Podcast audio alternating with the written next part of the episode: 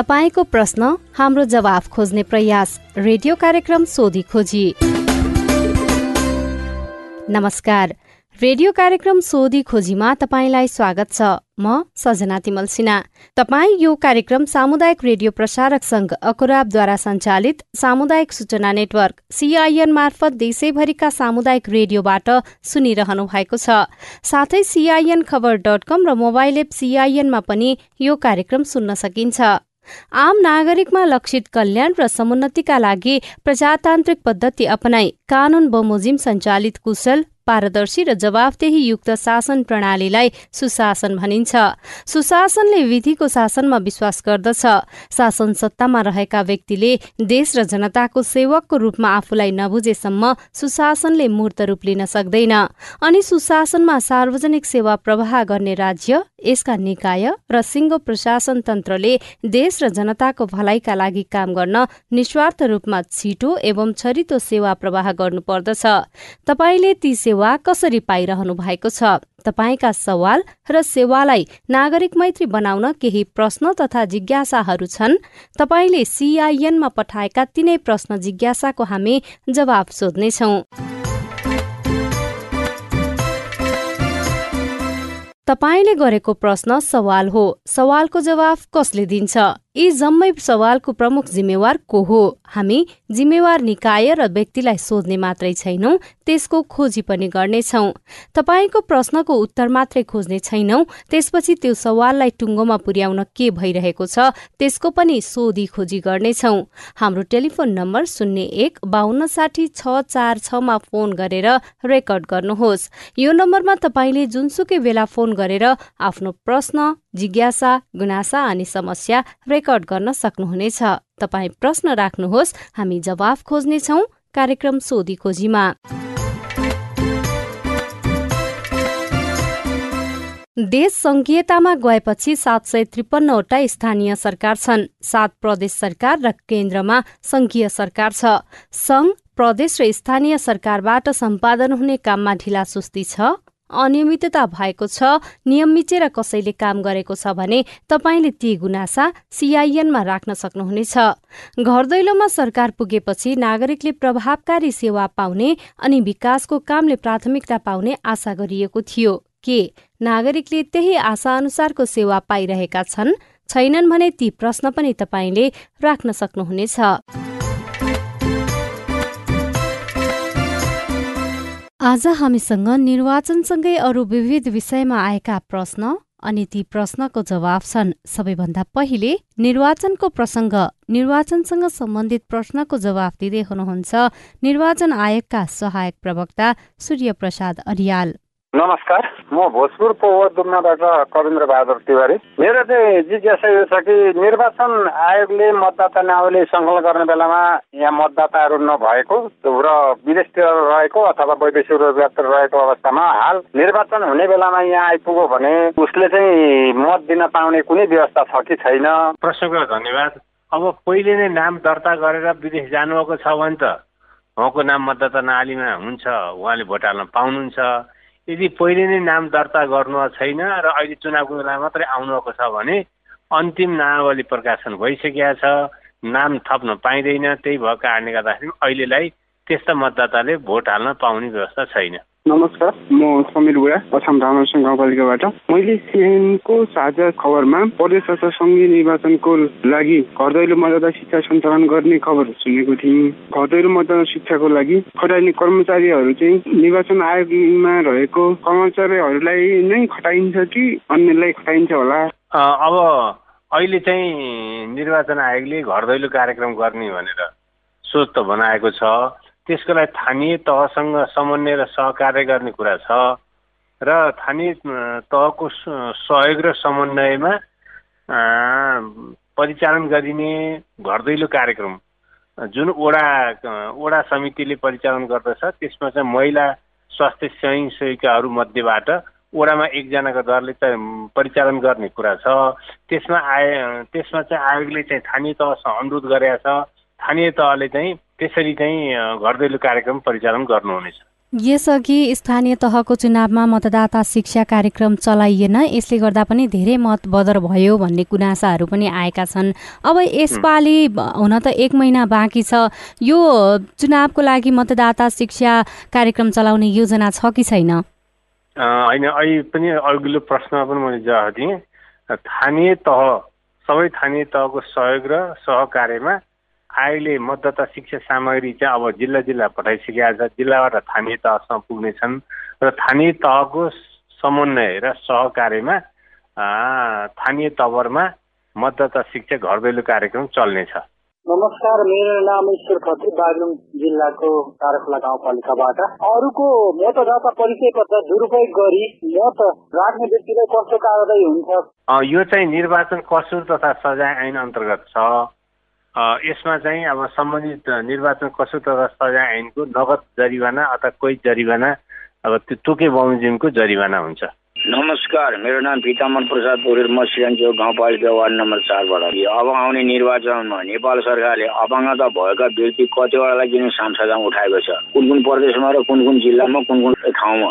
यसको लागि सम्बन्धित निकायबाट जानकारी पाउनु पाए म आभारी हुने थिएँ। धन्यवाद। अपाङ्गको लागि अपाङ्गले मात्रै काम गर्छ अरू साङ्गाले कामै दिँदैनन्। अब यहाँको चिन्ता चासोको लागि चाहिँ एकदम धन्यवाद। र अब यो समानुपातिक निर्वाचन प्रणालीतर्फ विभिन्न क्लस्टरको मा बन्द सूचीमा पेस गरेका उम्मेदवारहरू जो अपाङ्गता भएका हुनुहुन्छ उहाँहरूको परिचय पत्र सहित खुलाउनु पर्ने व्यवस्था छ। त्यो चाहिँ बन्द सूची अन्तिम प्रकाशन भइसकेपछि एकिन तथ्याङ्क आउनेछ। अहिले चाहिँ निर्वाचन कार्यक्रम चालिरहेको र त्यसमा केही सामान्य हेरफेर हुने सम्भावना भएको हुनाले अब त्यो अन्तिम सूची आइसकेको छैन र प्रत्यक्षतर्फ अथवा पहिलो हुने निर्वाचित हुने निर्वाचन प्रणालीतर्फ कोमा यो अपाङ्गता भएको विवरण चाहिँ एकिन रूपमा चाहिँ आइसकेको चाहिँ छैन। नमस्कार म असमबाट वर्तमान समयमा जननिर्वाचित जनप्रतिनिधिहरूले विद्यालय व्यवस्थापन समितिको अध्यक्ष बन्न पाइन्छ कि पाइँदैन? जनप्रतिनिधिहरू एउटा विद्यालय व्यवस्थापन समितिको पद पनि एउटा हो र जनप्रतिनिधिहरूको पद अर्को हो। र यो निर्वाचनमा प्रतिस्पर्धा गर्ने बेलामा विद्यालय व्यवस्थापन समितिको अध्यक्ष भएको व्यक्तिले समेत आइना दिनुपर्ने व्यवस्था भएको हुनाले आयोगले त्यही अनुसार निर्देशन दिएको हुनाले दोहोरो पद चाहिँ ओगट्न पाइएन। हामीलाई जुम्लाबाट लक्ष्मी परियारले प्रश्न गर्नुभएको छ निर्वाचन आचार संहिता लागू भइसकेको अवस्थामा के के कुरा गर्न पाइँदैन भनेर सोध्नु भएको छ। निर्वाचन आचार संहिता लागू भइसकेका छ यसमा चाहिँ केही केही आचार संहिता सबैले पालना गर्नुपर्छ जस्तै अब कसैको अनुमति बेगर चाहिँ कसैको घर जग्गामा पर्चा प्रसार गर्न नहुने विद्यालयमा चाहिँ अब विद्यालय क्षेत्रमा चाहिँ निर्वाचनका गतिविधि निर्वाचन गतिविधि भन्दा पनि अब पर्चा प्रसारका गतिविधिहरू परिचालन गर्न नपाइने कसैको भावनामा आँच पुग्ने गरी विचार लेख अभिव्यक्त गर्न नपाइने सोसियल मिडियाबाट निर्वाचनसँग सम्बन्धित र कसैको मत बिगार्ने अथवा कसैको पक्ष मत बढाउने खालका लेखहरू प्रकाशन गर्न नपाइने र यदि त्यस्तो खालका लेखहरू प्रकाशन भएको छन् अथवा केही पोस्टहरू भएको छन् भने त्यसमा सेयर कमेन्ट लाइक जस्ता कामहरू पनि गर्न नहुने र कसैलाई अब कार्यकर्ताको रूपमा शुभेच्छुक अथवा समर्थक रूपमा पनि कसैलाई चाहिँ अब स्वतन्त्र अभिव्यक्ति गर्न अथवा प्रचार प्रसार गर्ने काममा रोक बाधा उत्पन्न गर्ने कामहरूमा आफू सहयोगी चाहिँ हुनु नहुने निर्वाचन सम्बन्धी सामग्रीहरू बिगार्न च्यात्न नपाइने। यो निर्वाचन आयोगले उत्पादन गरेका सामग्रीहरू बिगार्न च्यात्न नपाइने लगायतका चाहिँ कुराहरू चाहिँ यस आचार संहितामा उल्लेख भएका छन्। र अब यो राजनीतिक दल अथवा उम्मेदवारले चाहिँ यो कार्तिक सत्र गतेभन्दा अगाडि औपचारिक रूपमा पर्चा पर्चा गर्न नपाइने अनि चाहिँ एउटा पत्रिकामा दिनमा सात बाई सातको भन्दा बढी प्रचार प्रसार गर्न नपाइने त्यस्तै गरी अब घर दैलोमा पच्चिसजनाभन्दा बढी लिएर जान नपाइने अब मत खरिद बिक्रीदेखि लिएर भोज चाहिँ गर्न नपाइने साथसाथै मतदाताहरू पनि त्यस्ता कुरामा सरिक हुन नहुने लगायतका कुराहरू चाहिँ छन् आचार संहितामा। हजुर। यसै गरी महत्तरीबाट राजीव झाले हाम्रो फेसबुक पेजमा लेख्नु भएको छ आगामी निर्वाचनमा मैले प्रदेश प्रतिनिधि अनि समानुपातिक सबैमा मतदान गर्न पाउँछु कि एउटामा मात्रै गर्छु गर्न पाउँछु भन्नुभएको छ? एकजना मतदाताले मतदान केन्द्रमा गइसकेपछि आफूलाई तोकेको मतदान केन्द्रमा गइसकेपछि पहिला मतदाता परिचय पत्र देखाएर अथवा आयोगले तोकेको परिचय पत्र देखाएर आफ्नो नाम रुजु गर्ने त्यसरी नङमा मसी लगाइन्छ बायाँ हातको बुढी औँलामा। अनि पहिलो मतपत्र लिनुपर्छ। त्यो पहिलो मतपत्र भनेको प्रतिनिधि सभाको उम्मेदवारको लाई भोट दिने मतपत्र हो जुन रातो रङको हुन्छ। भने सेतो कागजमा रातो चिन्हहरू भएको मतपत्र हुन्छ। त्यसमा गोप्य मतदान कक्षमा गएर कुनै एक चिन्हमा छापाला हानेर एक लेखिएको स्टिकर टाँसिएको चाहिँ मतपेटिका खसाल्ने। त्यसरी लगत्तै दोस्रो मतपत्र पाइन्छ। दोस्रो मतपत्र भनेको प्रतिनिधि सभाकै लाई दललाई भोट दिने हो राजनीतिक दललाई भोट दिने हो समानुपातिक निर्वाचन प्रणालीतर्फको। यसमा चाहिँ सेतो कागजमा कालो मसीले चाहिँ छापिएका विवरण र चिन्ह भएको चाहिँ मतपत्र हुन्छ कालो रङको। त्यसमा चाहिँ पनि आफूलाई मन परेको दललाई एक एक स्वस्तिक छाप लगाएर मतपत्र मतपेटिका दुई नम्बर लेखिएकोमा खसाल्ने अनि त्यसपछि लगत्तै तेस्रो मतपत्र पाइन्छ। यो भनेको प्रदेश सभाको लागि हो। प्रदेश सभाको उम्मेदवारको लागि एक भोट दिने र त्यो खसाल्ने र अन्तिममा प्रदेश सभाकै समानुपातिक तर्फको चौथो मतपत्र पाइन्छ।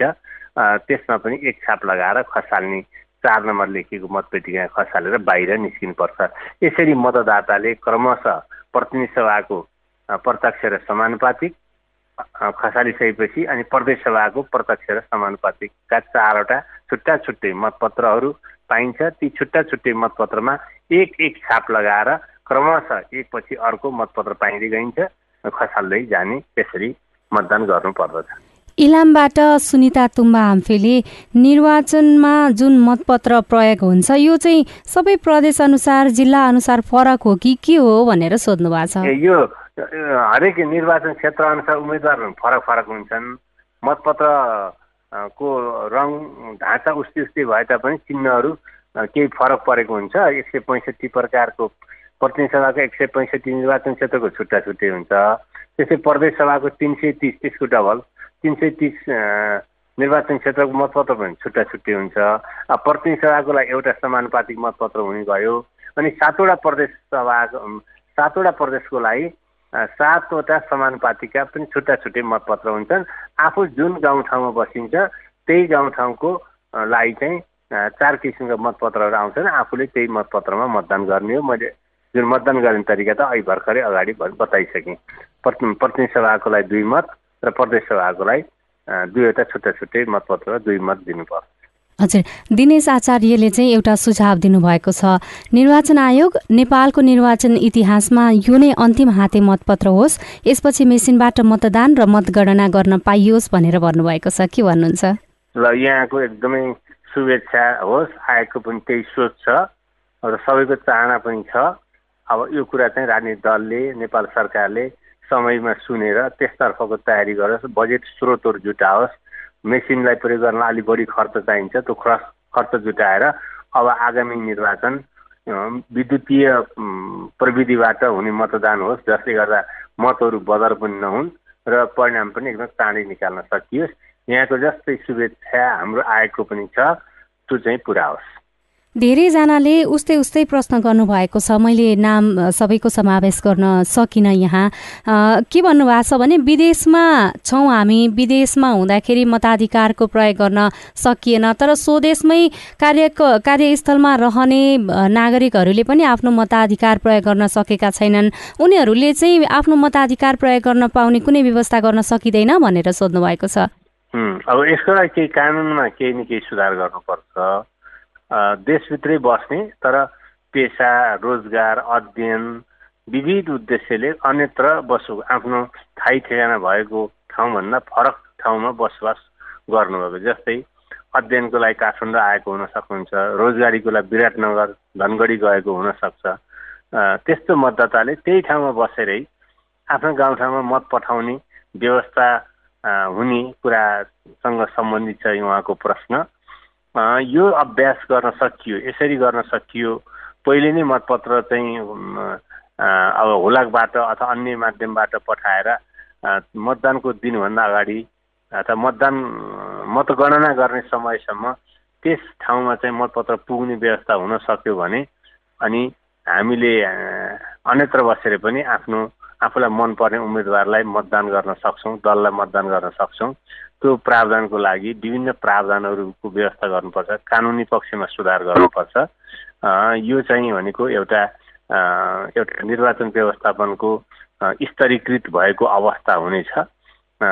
यो गर्न सकेमा धेरैको स्वदेशमै बस्ने धेरै मतदाताहरूको मतको रक्षा गर्न सकिन्छ। यसमा चाहिँ आयोगले नेपाल सरकारले संसदले धेरै प्रयास गर्नुपर्दछ धेरै मिहिनेत गर्नुपर्दछ र यो पनि एउटा आयोगले गर्नुपर्ने र सुधार गर्नुपर्ने पक्ष हो भन्ने लाग्दछ। यसमा चाहिँ सबैको साथ र सहयोग भयो भने यो यो प्रयास पनि सफल हुन सक्ने सम्भावना भएको क्षेत्र हो। अहिलेलाई हामी यति निर्वाचनसँग सम्बन्धित सबै प्रश्नको जवाफ दिँदै हुनुहुन्थ्यो निर्वाचन आयोगका सहायक प्रवक्ता सूर्य प्रसाद अरियाल। तपाईँ अहिले कार्यक्रम सोधी खोजी सुनिरहनु भएको छ। यो कार्यक्रम सामुदायिक रेडियो प्रसारक संघ अखोराबद्वारा सञ्चालित सामुदायिक सूचना नेटवर्क सीआईएन मार्फत देशभरिका सामुदायिक रेडियोसँगै सीआईएन खबर डट कम र मोबाइल एप सीआईएनबाट पनि सुन्न सकिन्छ।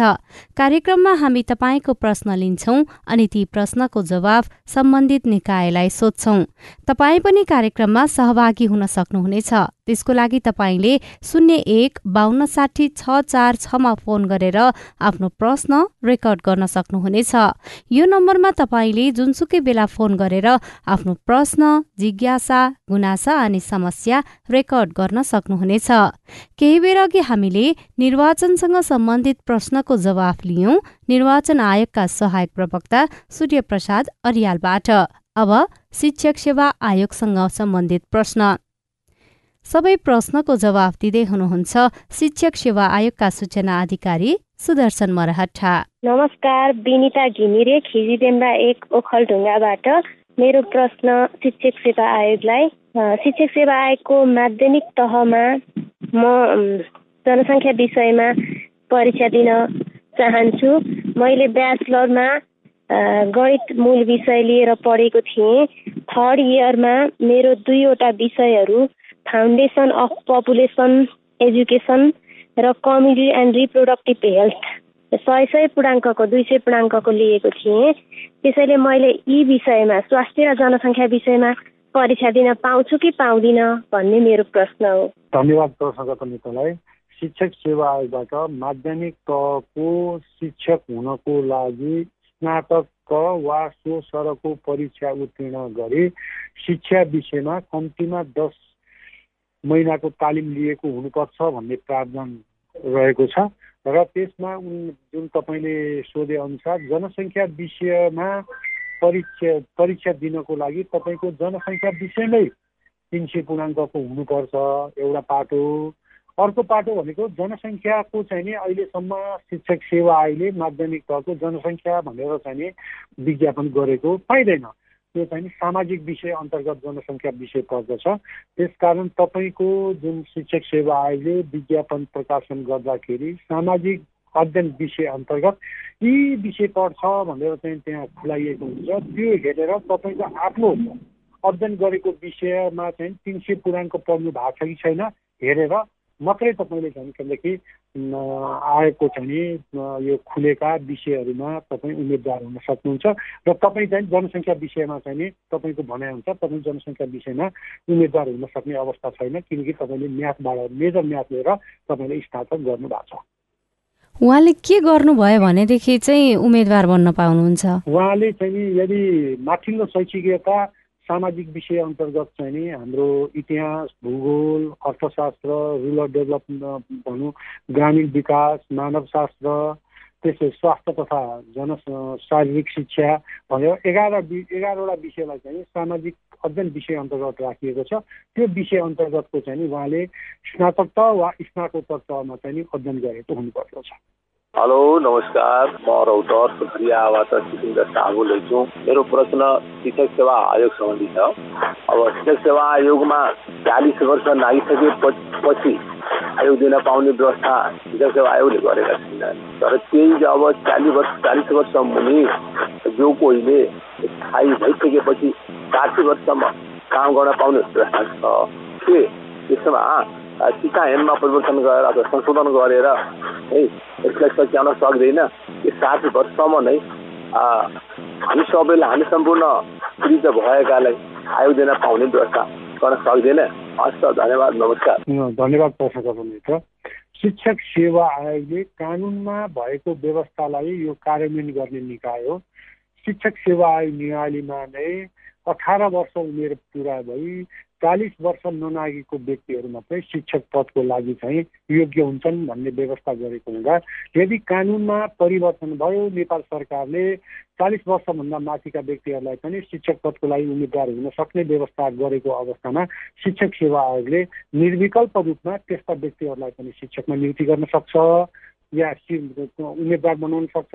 तर अहिलेको वर्तमान कानुन अनुसार मौजुदा कानुनले चाहिँ चालिस वर्ष नआएका व्यक्तिहरू शिक्षक पदको लागि योग्य हुँदैनन् भन्ने कुरा तपाईँलाई म जानकारी गराउन चाहन्छु। धनराज राहुल बोलेको शिक्षक सेवा अध्यापन अनुमति पत्रमा उमेरको हद लाग्छ कि लाग्दैन? चालिस वर्ष उमेर कटिसकेपछि अध्यापन अनुमति पत्रमा समावेश हुन पाइन्छ कि पाइँदैन? धन्यवाद प्रश्नकर्ता मित्र।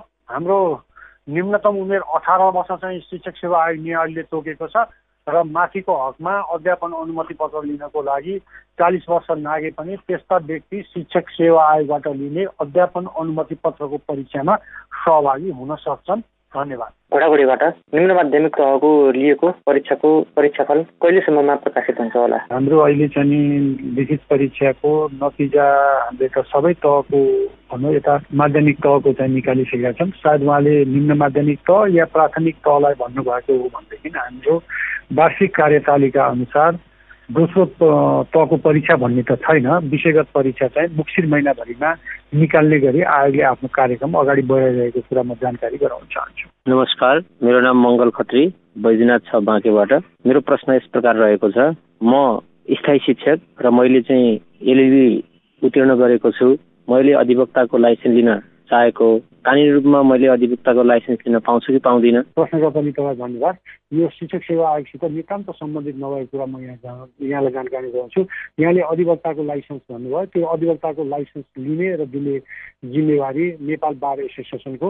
यदि तपाईँले चाहिँ शिक्षक लाइसेन्स भन्नुभएको हो भनेदेखि कानुनको विद्यार्थीको लागि पनि चाहिँ भनेदेखि स्नातक त उत्तीर्ण गरेर तपाईँले एक वर्ष बिएड गर्नुभयो भनेदेखि तपाईँ शिक्षक सेवा आयोगबाट लिने अध्यापन अनुमति पत्र जसलाई हामी तपाईँले चाहिँ लाइसेन्स भनिरहनु भएको छ हामी चाहिँ अध्यापन अनुमति पत्र भन्छौँ। त्यो त्यसको लागि चाहिँ तपाईँ उपयुक्त उम्मेद्वार हुनुहुन्छ भन्ने कुरा म तपाईँलाई चाहिँ जान अनुरोध गर्दछु। शिक्षक सेवा आयोगसँग सम्बन्धित प्रश्नको जवाफ दिँदै हुनुहुन्थ्यो। शिक्षक सेवा आयोगका सूचना अधिकारी सुदर्शन मरहट्टा। अब स्वास्थ्य बिमाको प्रसङ्ग। म धनबहादुर विक अन्नपूर्ण गाउँपालिका वडा सात कास्कीबाट मेरो प्रश्न स्वास्थ्य बिमा सम्बन्धी छ। स्वास्थ्य बिमा नेपाल सरकार निजी कम्पनीलाई अनुमति दिएर निजी कम्पनीले सञ्चालन गर्छ कि? नेपाल सरकार आफूले गर्छ यो जान्न पाउनु पाए हुन्थ्यो र हामी अर्को प्रश्न हामी लागि सेवा लिन अस्पताल जाँदा मान्छेको ल्याएर सुविधा दिने गर्नु गरेको मैले चाहिँ महसुस गरेको छु। विशेष गरेर फार्मेसीमा त्यही औषधि फुर्तिला टाठापाठालाई त्यही औषधि अस्पतालको फार्मेसीबाट नि शुल्क दिएको पाएको छु। नि शुल्क बिमाभित्र दिइन्छ तर लाटा सोझालाई बाहिरबाट ल्याउन लगाइन्छ। बिमाभित्र कति थरीको औषधि पाउन सकिन्छ किन किटान गरिँदैन? यदि किटान गरेर नोटिस राख्नु भएमा सर्वसाधारणले उचित सेवा पाउन सक्थ्यो कि? धन्यवाद। तपाईँको जिज्ञासा मेटाइदिनका लागि हामीले स्वास्थ्य बिमा बोर्डका प्रवक्ता शम्भु प्रसाद गेवालीलाई अनुरोध गरेका छौँ। अब यो दुईटा जिज्ञासा छ होइन उहाँको कास्कीको रहेछ अन्नपूर्ण गाउँपालिकाको। यो जीवन यो अन्य बिमा र स्वास्थ्य बिमा फरक छ। अन्य बिमाहरूको बिमा कम्पनीहरूबाट प्राइभेटमा जान्छ अनि प्राइभेटले गर्छ र त्यसका विभिन्न शर्तहरू हुन्छन्। तर यो बिमा भनेको सामाजिक स्वास्थ्य सुरक्षा कार्यक्रम हो। यसमा कुनै शर्त हुँदैन। होइन यो चाहिँ आफ्नो वडामा भएको दर्ता सहयोगीबाट दर्ता गरेर पाँचजना परिवारले होइन एक लाख बराबरको सुविधा पाउने हो। होइन यसमा कुनै शर्तै छैन। बिरामी भएपछि तुरन्तै गएर उपचार गर्न पाइन्छ। त्यही कारणले यो यो दुइटामा यो फरक छ होइन। अर्को उहाँले चाहिँ एघार सय तेत्तिसवटा औषधिहरू नि शुल्कमा सूचित भएको छ हाम्रो बिमामा। अब उहाँले औषधि उपचार गर्न जानुभयो भने अस्पतालकै फार्मेसीबाट लगभग एघार सय तेत्तिस किसिमको औषधि नि शुल्क हुन्छ। र केही चिजहरू चाहिँ अलिकति यो बिमाले समेटेको छैन जस्तै प्लास्टिक सर्जरीहरू कृत्रिम गर्भधानका कुराहरू र अन्य अन्य दाँतका अन्य धेरै महँगा कुराहरूलाई समेटेका छैन नभए सम्पूर्ण कुराहरूलाई होइन भर्ना भएर उपचार गर्नुपर्ने। अनि इमर्जेन्सीमा उपचार गर्नुपर्ने ल्याबमा टेस्ट गर्नुपर्ने कुराहरू सम्पूर्ण यो एक लाखभित्र यो यो कार्यक्रमले समेटेको छ यति नै हो उहाँको जिज्ञासा सायद। कोही व्यक्ति स्वास्थ्य बिमा गर्न चाहनुहुन्छ भने कहाँ गएर कसरी सम्पर्क यस्तो छ यो प्रत्येक वडामा हाम्रै वडाको वडाध्यक्षको समितिले दर्ता सहयोगी छनौट गरेको हुन्छ।